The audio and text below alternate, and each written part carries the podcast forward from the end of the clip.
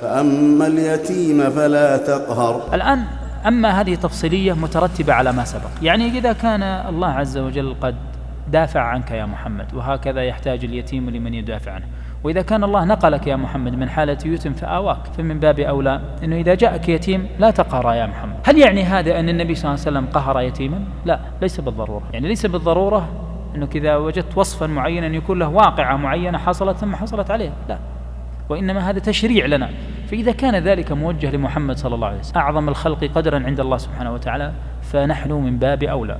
ونحن نعلم النبي صلى الله عليه وسلم أنه من أحسن الناس خلقا مع الناس صغيرهم وكبيرهم ذكرهم وأنثاهم بل حتى مع الأعداء يصبر عليهم ويتحمل كلامهم وأذاهم. فمن باب أولى نحن. ما حال اليتيم عندنا يا أخوان؟ فأما اليتيم فلا تقهر. وأنا ودي والله من هالمنبر هذا من هالمكان هذا إننا أنا ما أريدك حقيقة تبعد بعيد. ابحث عن جماعتك. وأهلك. فيهم يتيم. لماذا يترك؟ لماذا لا يهتم به؟ خصوصا يا أخوان الكرام في المراحل بعد ما ينمو يعني ويصبح يعني في مرحلة مثلا المتوسطة أو قبلها بقليل مرحلة خطيرة جدا. تجد التخلي الكامل أعمامه لا يهتمون به أخواله لا يهتمون به. يا أخي في قطيعة غير عادية موجودة.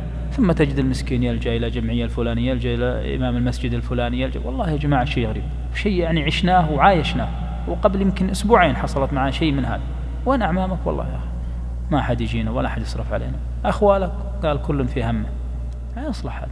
فنبحث عن أقربائنا وأهلنا فنعمل هذا. الآن الموجود فأما اليتيم فلا تقهر. المقصود الآن النهي عن الحالة العظمى. ماذا نفهم منها؟ إذا كان مطلوب أن لا نقهر إيش مفهوم المخالفة من هذا؟ أن نعتني به أن نقدره أن نرفع عنه كل قهر وكل ظلم وغير ذلك. طيب لماذا ذكر الله عز وجل قضية القهر مع اليتيم والنهر مع السائل؟ لأن يا أخوان الكرام ليس شرطا أن يكون اليتيم فقيرا ليس شرطا أن يكون اليتيم محتاجا. قد يكون عنده ملايين لكن هو يحتاج؟ يحتاج من يحميه يحتاج من يقف معه. وليست مشكلته في الحاجة في المال.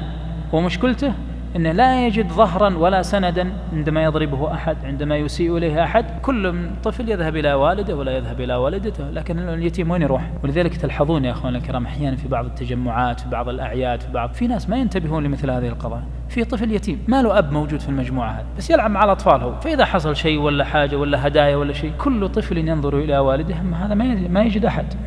إلا إنسان نبي وإنسان رحيم ينتبه له فيضمه مع أولاده أو غيره هذه معاني مهمة جدا أن ننتبه إليها. فهو لا يحتاج في الحقيقة دائما إلى المال يحتاج من يدافع عنه.